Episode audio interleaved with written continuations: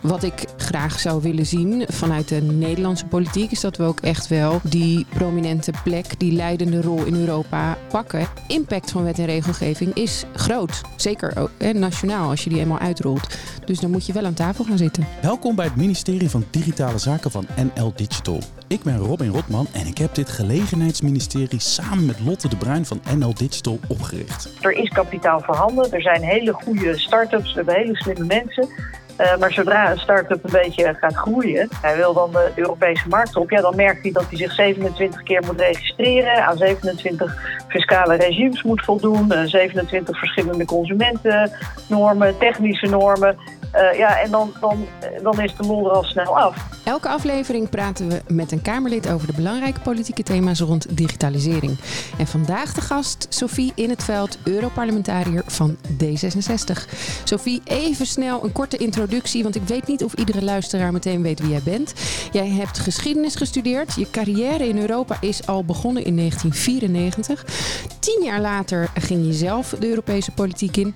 En sindsdien maak je je onder andere hard voor burgerrechten en privacy. En je bent ook nog auteur. Klopt dat? Ja, klopt allemaal, als een bus. Nou, mooi. Hey, en vandaag gaan we het hebben over eigenlijk de rolverdeling tussen Den Haag en Brussel als het gaat over het in goede banen leiden van digitalisering. Hoe verhouden Nederland en Europa zich nou eigenlijk tot elkaar? Um, maar ik sprak jou in het voorgesprek al, uh, Sophie. En ik kreeg een beetje de indruk dat jij vindt dat Brussel alles moet doen en dat Den Haag eigenlijk alleen maar in de weg loopt. Hoe zit dat? ja, zeker niet in de weg loopt, maar uh, voor mij is het glashelder dat ja, digitaal is eigenlijk wereldwijd. Uh, dus per definitie heeft het niet meer zoveel zin om dat per land te gaan regelen. We hebben ook een Europese interne markt. Uh, dus moet je ook zorgen dat je voor de hele Europese interne markt, voor de hele Europese Unie, uh, dingen regelt. En ook als het gaat over bijvoorbeeld handel of samenwerking met andere landen. Uh, China, de Verenigde Staten. Uh, hè, dat kan ook samenwerking zijn op het gebied van veiligheid bijvoorbeeld. Mm -hmm. ja, dan heb je natuurlijk als Europa veel meer in de pap te brokkelen dan uh, als 27 afzonderlijke lidstaten. Maar dit, maar dit, snapt natuurlijk iedereen. Maar het gaat mij erom, wat is, wat is wat jou betreft als, als ras-Europeaan nou eigenlijk dan de rol van Den Haag? Hoe, wat, is dat een beetje 50-50 of zo? Wat, wat is eigenlijk als het gaat over digitalisering? Gaat natuurlijk per definitie over de landsgrens zijn. Heb, heb je nou wat in Den Haag nou, of niet? Ja, natuurlijk wel. Bovendien is Den Haag, hè, de 27 nationale regeringen, zijn gewoon medewetgever in Europa. Dus Den Haag is ook een Europese wetgever. Uh, en, en daar spelen ze dus ook een rol. Uh, een aantal dingen moeten ook gewoon uh, lokaal, zeg maar nationaal worden, worden uitgevoerd. er moet ook worden gezorgd dat, die, dat de regels die we met z'n allen in Europa afspreken, dat die ook in alle lidstaten worden uh, gerespecteerd. En uh, nou ja, daar willen we nog wel eens aan schorten. Mm -hmm. uh, dus, dus dat zijn, dat zijn de, hè, dus toezichthouders, dat zijn dingen die, die zeker nationaal moeten. En er zijn ook vaak, zeg maar, als je in Europa regels maakt, richtlijnen bijvoorbeeld, die moeten nog omgezet worden in nationale wetten. Dus ook dat komt voor. Dus het is echt niet zo dat Brussel tussen aanhalingstekens alles doet. Maar ik vind wel dat we een gezamenlijk Europees beleid moeten hebben op al die terreinen, omdat het een, een verbrokkelde Europese Unie uh, heeft gewoon niks te vertellen. En al helemaal niet, hè, want ik noemde net China en de Verenigde Staten. Mm -hmm. Maar als je kijkt naar de techreuzen waar we mee te maken hebben. Uh, nou, bijvoorbeeld uh, alle, alle privacy-toezichthouders in de hele Europese Unie samen, mm -hmm. die hebben een begroting die is ongeveer gelijk aan acht dagen omzet van Facebook. Kijk eens aan. Ja. Weet je, dus ja. het is echt wel uh, een klein duimpje tegen de reus. Ja. En dat zien we natuurlijk ook elke dag, dat het echt heel moeilijk is om die, om die hele grote techreuzen uh, in, in, in dwang te houden. Nou, dat moet, je, dat moet je dus Europees doen. Daar gaan we het zo over, door, over doorpraten. Lotte, mm -hmm. we hebben natuurlijk nu dat rondje uh, Den Haag gedaan. Hè? Een heleboel Kamerleden gesproken. Nu doen we ons een rondje Brussel. Heb jij de indruk dat Den Haag nog relevant is voor jouw achterban? Ja, absoluut. Ik denk dat het elkaar heel erg versterkt. Uh, in, in, elkaars verlengde ligt. Ik geloof niet zo in wij-zij. Ik denk dat het allebei nodig is. Ik sluit me helemaal aan bij wat Sophie zegt. Dat onze sector, niet alleen onze sector trouwens, is helemaal niet gebaat uh, bij uh, ieder land andere wetgeving. Uh, dus wij vinden het juist heel prettig dat er Europese richtlijnen zijn en dat je die in Nederland moet implementeren en dat Den Haag het vehikel daarvoor is. Alleen maar heel erg goed. Wat ik graag zou willen zien vanuit de Nederlandse politiek is dat we ook echt wel die prominente plek, die leidende rol in Europa pakken. Daarom ben ik ook blij dat Sofie er zit natuurlijk. Maar thema ook echt wel die, die seat at the table, dus omschrijf ik het maar even zo, om die ook echt te pakken. Want de impact van wet en regelgeving is groot. Zeker nationaal, als je die eenmaal uitrolt. Dus dan moet je wel aan tafel gaan zitten. Maar ik heb dan toch ook weer de indruk, en die kan ik natuurlijk aan jullie allebei wel vragen. Uh, er wordt in, in Brussel van alles bedacht. Uh, nu NIS 2 over AI, DEMA en DSA. Ik heb het gevoel dat we in Nederland een beetje, toch in de Kamer een beetje achteraan sukkelen.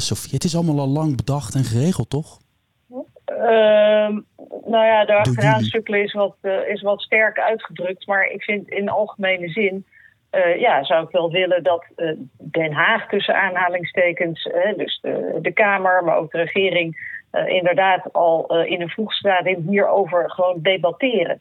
Het gaat er nog niet eens om dat je, dat je ze zitten sowieso mee aan de tafel. Want zoals ik net al zei, de regeringen die zitten, al, alle nationale regeringen zitten in de Raad. En het Europees Parlement en de Raad zijn samen de wetgever. Dus alle lidstaten zijn medewetgever in Europa.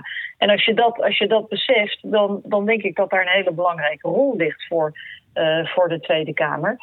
Uh, en niet aan het einde van het proces, als je er inderdaad niet heel veel meer uh, aan kan versleutelen, maar uh, zoveel mogelijk aan het begin. Ehm, en dat, dat kan actiever. Ja. Jij bent een beetje de privacy-koningin van Europa. Tenminste, dat werd tegen mij gezegd. Dus dat neem ik dan maar aan. Wat een mooie titel. Bestaat privacy over 20 of 30 jaar nog? Um, nou, Niet ja, te lang tuurlijk, nadenken over privacy, deze vraag hoor. Ja, nee, ja, kijk, privacy is een beetje een soort containerbegrip. Hè. Daar zit van alles en nog wat in. Privacy betekent dat, dat je je eigen privésfeer hebt waar niemand zomaar ongevraagd binnen mag komen. Privacy betekent dat je dingen anoniem kan doen. Privacy we, we, hebben het ook over gegevensbescherming. Het feit dat jouw gegevens niet zomaar gebruikt of misbruikt mogen worden, dat ze goed bewaard moeten worden. Dus het betekent eigenlijk heel veel. Mm -hmm. uh, het, vaak ook als we het over privacy hebben, dan, dan gaat het ook nog wel verder naar naar uh, dingen als uh, bijvoorbeeld je, je, je, vrije meningsuiting op, op social media zo. Het gaat ook wel steeds verder. Ehm, ja, ik denk dat dat bestaat, want dat is namelijk gewoon de essentie van het vrije burgerschap. En dat, dat blijft bestaan. Hoe we dat gaan beschermen, dat is een andere vraag. Want je ziet ook wel dat, de, dat, dat het steeds lastiger wordt om informatie over jezelf voor jezelf te houden. Maar ik zie ook wel dat in de, nou ja, nu, nu bijna 18 jaar dat ik me ermee bezig hou, dat het bewustzijn wel heel erg gegroeid is. Hè? Want 18 jaar, net mee... al 18 jaar joh? ja, bijna, ja. in de zomer, zomer 2004. Uh, en als ik het toen over privacy had, dan werd ik altijd een beetje uh, meewarig aangekeken. Oh, ja. Uh, en ik kreeg altijd strijk en zet bij interviews de vraag van... ja, maar joh, die privacy, wie vindt dat nou belangrijk? Hm. Nou, die vraag die, die krijg je niet meer. Iedereen is zich ervan bewust. dat groeit heel snel. Oké, okay, nou, okay, wacht. En dan ga ik nu, dan hebben we dus nu de GDPR, de General Data Protection ja. Regulation, de privacywetgeving. Ja. Dat gaat over bescherming van data, dat gaat over onze privacy. Ja. Uh, dat komt uit Brussel. Uh, ik weet dat jij dat een goede wetgeving vindt. In Nederland uh -huh. hadden we toezicht. Dus als Europees verhaal met Nederlands toezicht. Je noemde net ja. uh, de getallen, hè? al die Europese landen bij elkaar opgeteld. Alle aanleiten wolfsen van de autoriteiten de persoonsgegevens in heel Europa bij elkaar opgeteld. Die, hebben een, ja. die, die, die moeten het met een fooi doen als je het vergelijkt met de omzet die techreuzen maken. Ja. Werkt dit een beetje zo, dat, dat Europese wetgeving met uh, toezicht in de, in de landen zelf? Is dat, ben je daar tevreden over? Uh, nee, totaal niet. Uh, kijk, even voor de goede orde. De meeste van die mensen die doen echt hun stinkende best. Maar ja, ten eerste hebben ze, maar, okay. hebben ze bijna overal gewoon veel te weinig middelen gekregen.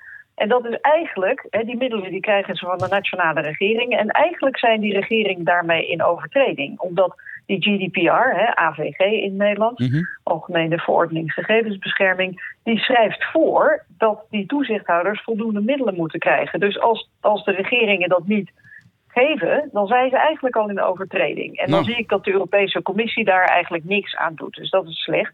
Het tweede is dat de nationale regeringen die wilden, toen we die GDPR gingen maken, die wilden heel erg eh, de zaken in eigen hand houden. Die wilden geen echte volledige Europese toezichthouder. Die zeiden nee, dat regelen we zelf wel. We hebben nationale toezichthouders, die kunnen dat prima doen.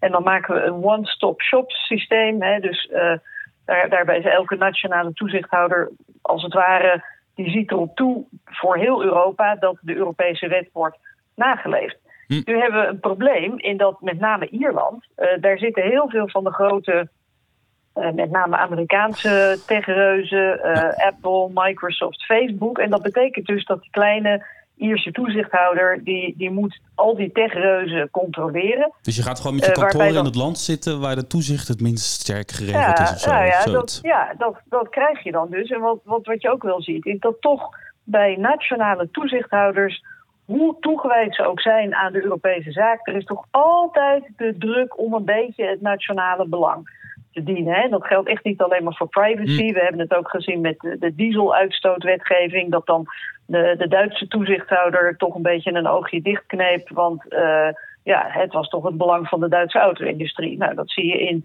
in Ierland ook. Of tenminste, we hebben dat eh, een beetje, toch een heel sterk vermoeden in die richting. Dat er komen namelijk eh, eigenlijk heel erg weinig zaken van de Ierse toezichthouder tegen bijvoorbeeld Facebook, terwijl daar toch echt wel aanleiding voor is, zou je Mhm. zeggen.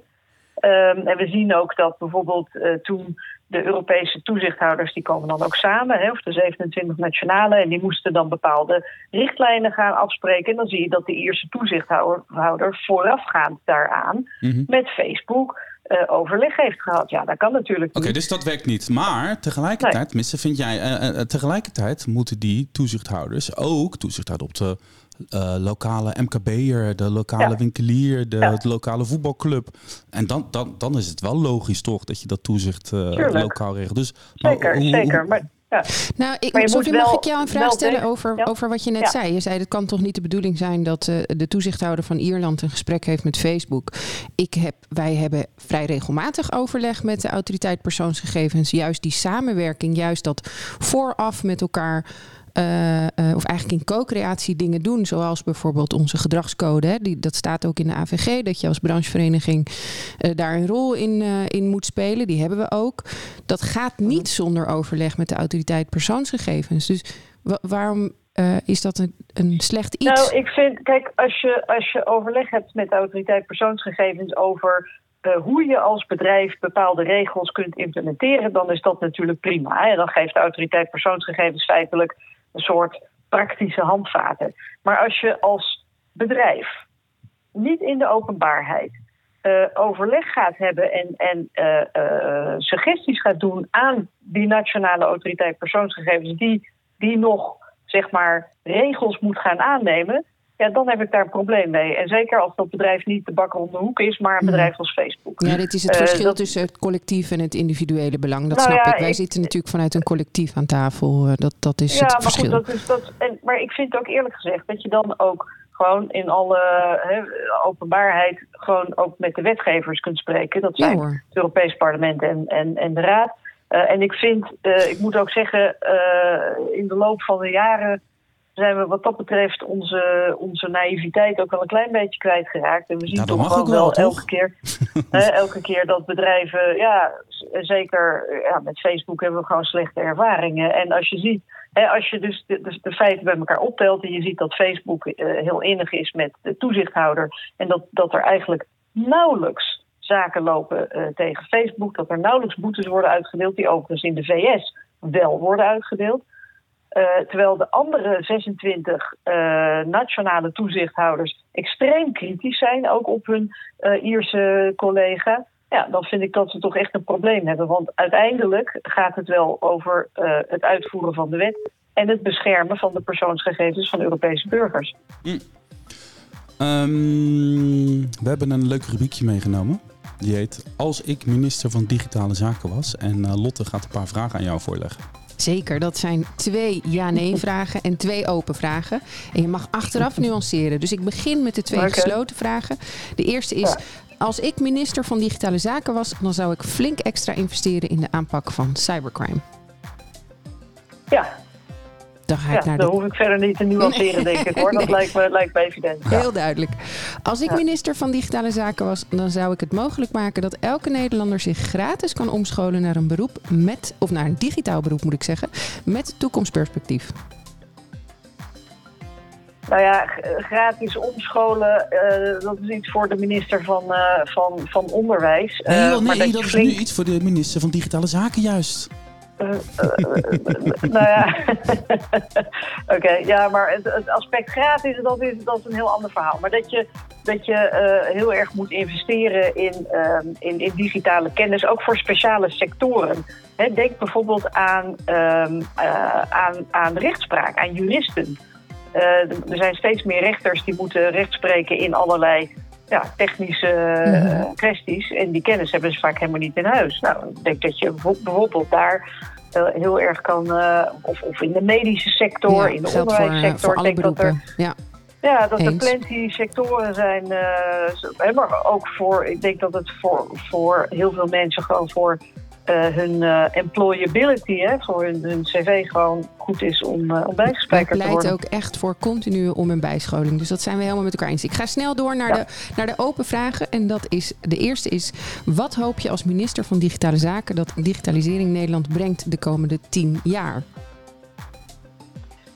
Ehm, bij digitalisering eh, hebben we, hebben het natuurlijk vaak over de problematische kanten en de, en de bedreiging en het misbruik. Maar al met al heeft het natuurlijk eh, eh, onze wereld gewoon ongelooflijk veranderd. En ik denk dat de COVID-crisis nu juist heel goed heeft laten zien wat het brengt. Bedoel, kan je je de COVID-crisis voorstellen zonder eh, videoconferencing, zonder e-mail, appen, zonder eh, nou, alle, alle digitale dingen, alle digitale diensten die we hebben Ik gehad. ga snel naar de Ja. laatste open vraag. eh, en die luidt: van welke concrete ontwikkeling in digitale technologie word jij als minister van Digitale Zaken ontzettend blij? Ik denk de, de economische ontwikkeling, maar ook het feit dat je bijvoorbeeld eh, bij kan dragen met, met, met social media aan democratisering, aan het verspreiden van kennis, aan het emanciperen van mensen, maar ook eh, in, in, in- meer in eigen land. We hebben natuurlijk allerlei dienstverlening die, eh, die heel praktisch is geworden.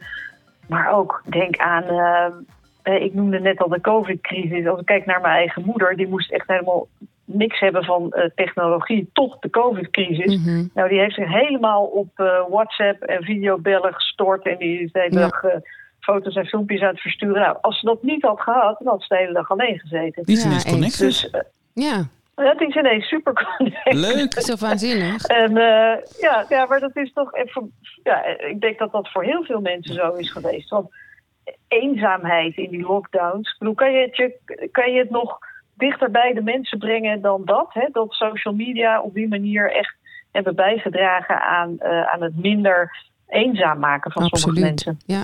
Wat heel snel aan de oppervlakte is gekomen eh, aan het begin van de COVID-crisis, is dat er, wat ik net al zei, eh, behoorlijk wat mensen waren die geen toegang hadden tot digitale middelen, eh, kennis of, of infrastructuur. Wij hebben samen ook met het ministerie van Middellandse Zaken en de Alliantie hebben we een stichting of een programma opgezet. Dat heet Allemaal Digitaal. Waarbij we Mhm. echt tienduizenden systemen, en netwerken en kennis hebben ja, eh, ge- gegeven, om het maar even zo te zeggen, of geboden aan die Mhm. mensen die dat niet hadden. En dat zijn inderdaad, dat is van jong tot oud, van, van een eh, Ja. eh, leerling op primair onderwijs die geen laptop thuis heeft, tot iemand in een verzorgingstehuis die door een tablet ineens kon, eh, kon beeldbellen met familie. Dat is, dat is Ja. ontzettend Ja, nuttig en nodig geweest. Ja, en zeker het onderwijs, hè, wat je noemt. eh, er zijn natuurlijk op het moment dat we vrij snel overgingen naar eh, online onderwijs, ja, dan zijn kinderen die, eh, die, die niet dat soort middelen hebben van huis uit, die zijn natuurlijk wel de sigaar. Ja, zijn heel kwetsbaar. Ehm, eens. en ik denk dat er, ja, denk dat er nog veel meer nodig is dan, dan alleen maar. Eh, dan alleen maar materieel, Mhm. zeg maar. Hè? Want je, je kan, als je met vijf kinderen bent thuis en je hebt eh, één woonkamer, ja, dan kan je wel vijf laptops hebben, maar dan dan heb je nog steeds een probleem. Maar er zijn Tuurlijk, natuurlijk ja. kinderen hè, die dan bijvoorbeeld, die hadden wel een smartphone. Maar ja, echt les krijgen via smartphone, op een gegeven moment haken die kinderen dan af. Dus Ja, ik vind het wel een dus mooie toevoeging. Die ga ik ook meenemen. Het gaat ook over locatie.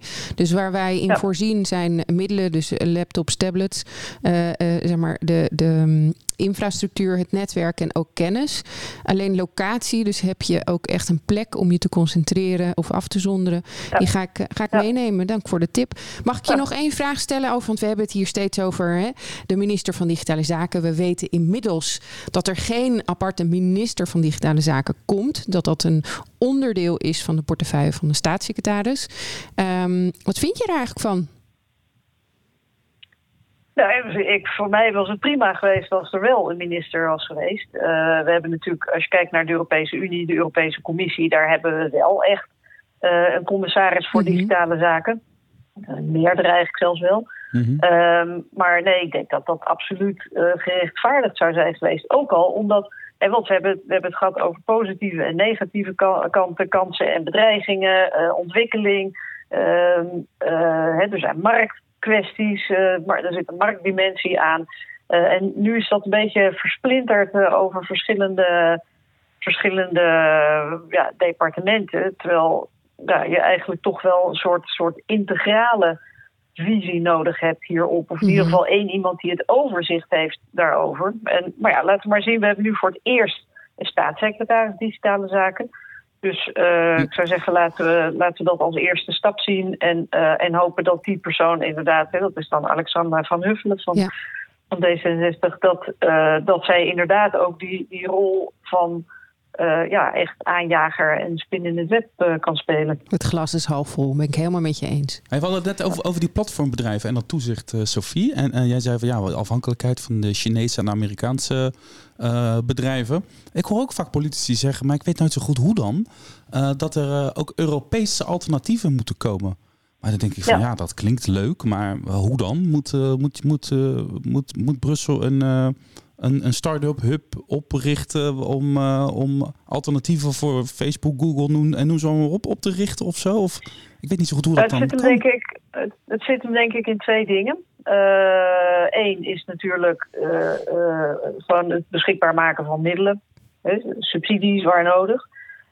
investeringen, kapitaal, dat is één. Maar ik denk nog veel belangrijker is het, is het verwijderen van nog steeds bestaande nationale barrières. Want we hebben dan weliswaar één interne markt, maar ja, eigenlijk in de praktijk hebben we toch nog steeds een ontzettend verbrokkelde interne markt. Omdat elke lidstaat heeft zijn, zijn eigen regels en zijn eigen normen en, uh, en zijn eigen wetten en zijn eigen instanties. Weet je, je moet je. Als je, dat is het probleem. Hè. We hebben natuurlijk in Europa, er, er is kapitaal voorhanden. Er zijn hele goede start-ups, we hebben hele slimme mensen.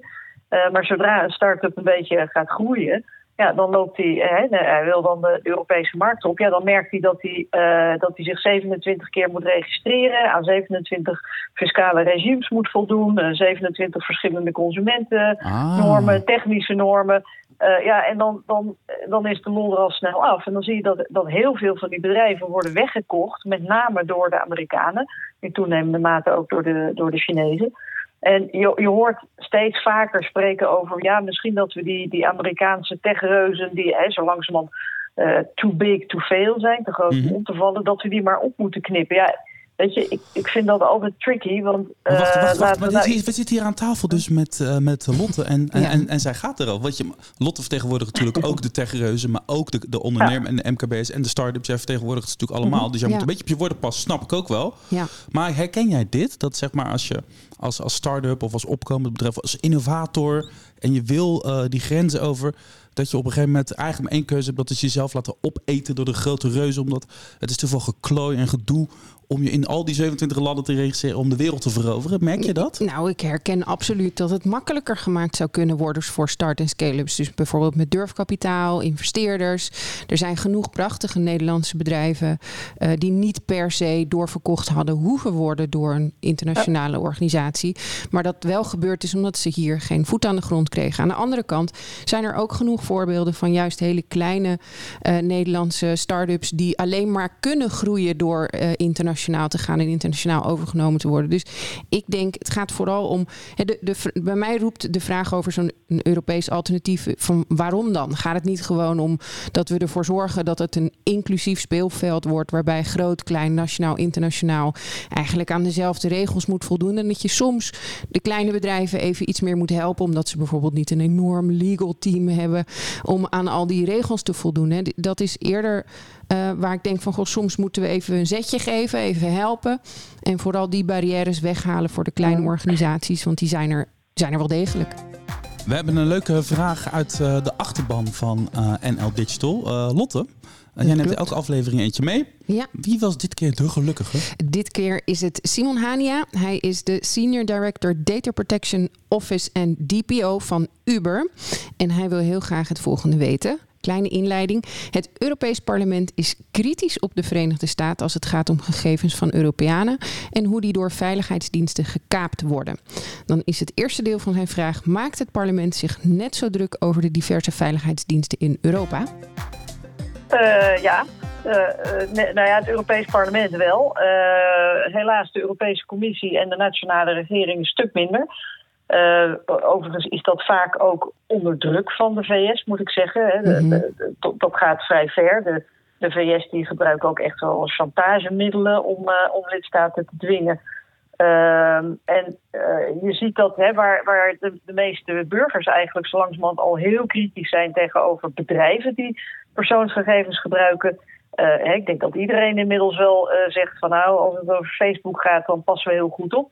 Uh, maar als het over uh, de overheden gaat, en zeker een beetje nou, uh, meer, minder transparante sectoren als geheime diensten mm -hmm. en zo, ehm, ja, dan is het heel lastig. Ja. En dan wordt er al heel snel gezegd, hè, het Europees Parlement is daar zeer kritisch, maar dan wordt al heel snel gezegd, ja, maar Europa gaat er niet over, want het is nationale veiligheid. Ja, dat is dus ook zijn. Ja. Ja, Sorry, dat is ook zijn vervolgvraag. Is kunnen en mogen het Europees Parlement en de Commissie zich op dit punt... Hè, mogen ze überhaupt wel wat betekenen? Daar wilde jij volgens mij net antwoord ja. op gaan geven. Ja, nou ja, uh, ja moet, nou wat het dubbele eraan is... is dat uh, er is heel erg veel wetgeving geïnitieerd. Hè, dus initiatief genomen tot bijvoorbeeld het opslaan van... Uh, telecomgegevens, uh, passagiersgegevens, uh, nou, noem het allemaal maar op. Hè. Surveillancewetten, volgen van mensen op het internet, scannen van, van, van, van berichtjes en zo. Um, en dat is, dat is dan Europese wetgeving. En dan zeggen de lidstaten, ja, dat moet, dat moet Europees. Maar als je er dan kritiek op hebt, en als je dan bijvoorbeeld wil weten, ik noem maar wat, hè, die, die passagiersgegevens, PNR heet dat, Passenger Name Records. Mm -hmm. er is een Europese wet die verplicht de lidstaten en de, luchtvaartmaatschappijen om die gegevens op te slaan. Uh, maar als je dan wil weten van, oké, kunnen we dan alsjeblieft onze democratische uh, uh, controletaak uitvoeren en kunnen wij weten, nou ja, hoeveel boeven heb je ermee gepakt, hoeveel terreuraanslagen voorkomen, hoeveel van die gegevens heb je überhaupt opgeslagen, kan je aantonen dat je ze na een jaar of nou weet ik veel wat voor tijd hebt, hebt vernietigd en zo dan krijgen we nul op de kerst, want dan is het ineens wel nationale hmm. veiligheid. Weet je, dus het is, er wordt daar heel sneaky mee gespeeld door, uh, door de nationale regeringen en de, de, Europese Commissie, die speelt dat eigenlijk mee.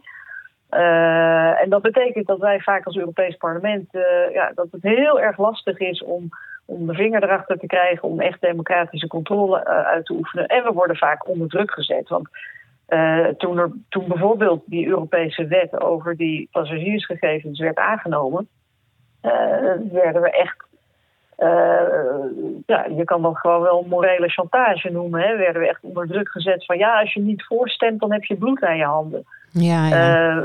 nog niet zo lang geleden hadden we een vergelijkbare kwestie, een, een, een noodwet die ingevoerd, die heel snel ingevoerd moest worden waarmee eh, dat ging dan over het, uh, zeg maar het ontdekken en het, het opsporen en weghalen van uh, kindermisbruikmateriaal op uh, online. Mm -hmm. wat, wat, natuurlijk verschrikkelijk is. Alleen wij hadden wel een aantal vragen van ja, maar wacht even, is dit wel nodig? Klopt dat wel? Werkt dit wel? Ja.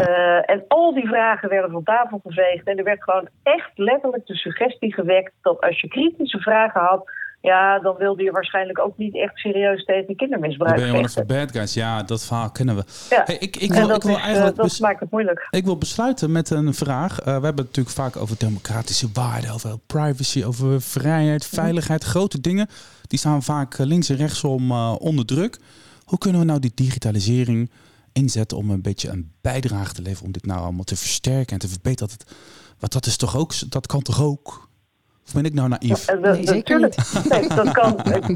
Ik denk dat dat heel goed kan zelfs. Eh, Kijk, ik ben, eh, ik ben het technische niet wit, maar eh, ik denk dat er heel erg veel technische oplossingen mogelijk, mogelijk zijn. En geef bedrijven ook vooral de ruimte en stimuleer ze, moedig het aan om dat, eh, om dat te ontwikkelen. Eh, maar daarvoor heb je overigens ook wel inderdaad een, een echte markt nodig. Als je kijkt Ja. bijvoorbeeld naar eh, privacyvriendelijke zoekmachines. Nou, eh, probeer met je initiatief maar eens op te boksen tegen, tegen Google.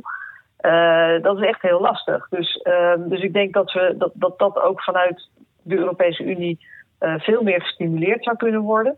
We hadden hier eh, Ehm, en- collega en Paul van der. Tang hadden we hier. Die zei er moet Tang, eigenlijk ja, Paul Tang, Paul, Paul Tang Tang, van der ja. Tang.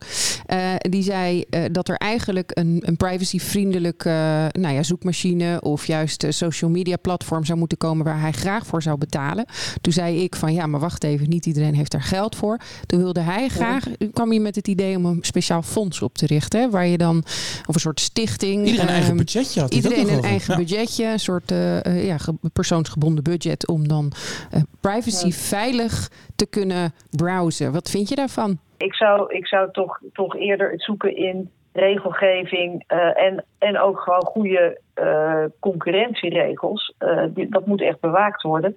En daar speelt overigens de Europese Commissie natuurlijk een hele sterke rol. En ik denk waar ze, ik gaf het Mhm. voorbeeld van Google DoubleClick. Nou, ik denk, en ik geloof dat, dat commissaris Vestager, dat is de, de Deense liberale eurocommissaris voor mededinging, die snapt dat ook wel. En die zoekt ook wel naar, naar manieren om dat mededingingsbeleid te, te gebruiken, ook om bijvoorbeeld de privacy eh, weten te beschermen. En, Ja. ehm, dus dat soort, dat soort. En je, je kan ook bijvoorbeeld met aanbestedingsprocedures eh, kan je ook voordeel geven aan. eh, je kan daar inzetten van wij zoeken een, een, een IT-systeem wat de privacy goed beschermt of zo.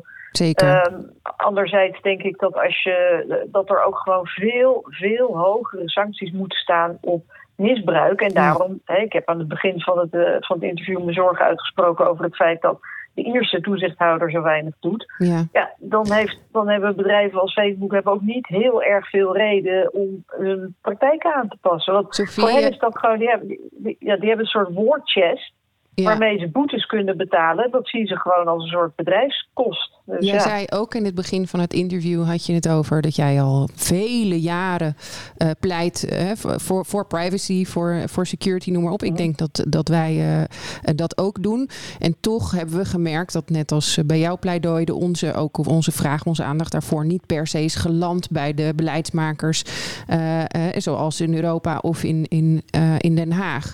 Dat, komt, die, dat bewustzijn is de afgelopen jaren groter geworden. Hoe voorkomen we nou dat we over tien jaar weer zo'n gesprek hebben? Ja, nou, omdat het niet alleen maar een kwestie is van bewustzijn, maar ook van Mhm. belangen. Eh, en dan zie je dat eh, eh, er zijn twee belangengroepen die zeer machtig zijn in deze discussies. Eén, dat is zeg maar alles wat, wat law enforcement is. Hè, dus politie, veiligheidsdiensten, inlichtingendiensten enzovoort. En met name ook vanuit, vanuit de VS. Eh, en die oefenen, en lang niet altijd transparant, ik, enorme druk uit op, eh, op de nationale regering. En dat is, dat, dat is gewoon niet heel erg zichtbaar. En die dwingen nationale regeringen tot, ehm, tot, tot beleid waarbij de privacy eigenlijk eh, niet meer beschermd wordt. Ehm, een andere groep is, is gewoon, laat ik maar zeggen zoals het is, de grote industrie. En echt niet alleen maar de techreuzen, maar denk ook bijvoorbeeld aan grote pharma. Die ook enorme belang hebben bij, eh, bij het verkrijgen van, eh, van persoonsgegevens. Eh, dus het is niet zozeer dat ze zich niet bewust zijn. Integendeel, ze zijn zich zeer bewust van het belang van data. Alleen zij hebben geen boodschap aan, aan de bescherming van, van burgers. Hé, hey, maar Sophie, jij laat Dus- je toch niet in de luren leggen door al die grote bedrijven die van alles Nee. maar willen? Dat doe jij toch niet? Eh, eh, ik niet, nee. Nee, Eh, goed, hè. en heel, veel- heel veel van mijn collega's gelukkig ook niet, maar Nou. een heel aantal wel. als je kijkt naar bijvoorbeeld, we zijn op dit moment bezig met de e-privacy-richtlijn, die dus de, de, de, de, privacy regelt in, in communicatie, zeg maar. En um, chatten bijvoorbeeld, of, of, of, mailen of wat ook. Um, uh, en daar zie je dat er een. Uh, er was een krappe meerderheid in het Europees Parlement voor een echte uh, stevige privacybescherming. Maar er was toch ook een forse minderheid die inderdaad het, het, oor laat hangen naar, naar industriebelangen. En, ja, en daar dan toch tegenstemde. Dus hm. um, ja. Hey Lotte, ja. tot slot. Mm We hebben hier iemand uh, aan de telefoon die vanuit Brussel echt zegt van nou ja, het gebeurt hier. Hebben jullie al een kantoortje in, uh, in Brussel geopend? Ja, wat daar gebeurt het? Nee, nee, nog niet. Maar we werken wel samen met onder andere Digital Europe. Dat is een beetje de Europese zusterorganisatie. Daar zitten we wel veel. Maar Brussel is natuurlijk iets, daar kan je daar kan je fulltime gaan zitten met een heel team, net zo groot als, uh, als hier in Nederland. Um, maar wie weet, er komt steeds meer uit, uit Europa, wat uh, in mijn optiek heel goed is. En wij hopen natuurlijk ook met deze podcast een beetje de vertaling te maken tussen het Europese en het nationale en hoe zich dat tot elkaar verhoudt. Dus. Uh, Sophie In het Veld, Europarlementariër van D66. Dankjewel voor je tijd en je verhaal. Uh, heel veel succes met je mooie werk daar in uh, Brussel. En uh, we hopen nog veel. We, verwachten, we hebben hoge verwachtingen van je hoor. Zo is het. Ik, nou, ik, ik, doe mijn, ik doe mijn uiterste best. de, de motivatie. dat hoor ik. Er is een motivatie geen gebrek, dat merk ik. Ja. Hey Lotte, als onze luisteraars nou doe ik de andere afleveringen met de andere uh, Europarlementariërs, maar ook met de Tweede Kamerleden willen terugluisteren. We hebben een uitstapje gemaakt nog naar Kees Verhoeven, mm -hmm. voormalig Kamerlid, een soort, soort living legend. Die, waar, ja. waar, kunnen ze dat nou terugluisteren? Nou, de alle andere afleveringen die kunnen jullie terugluisteren op het ministerie van Digitale Zaken.nl of je favoriete podcast app. Tot de volgende keer. Dag.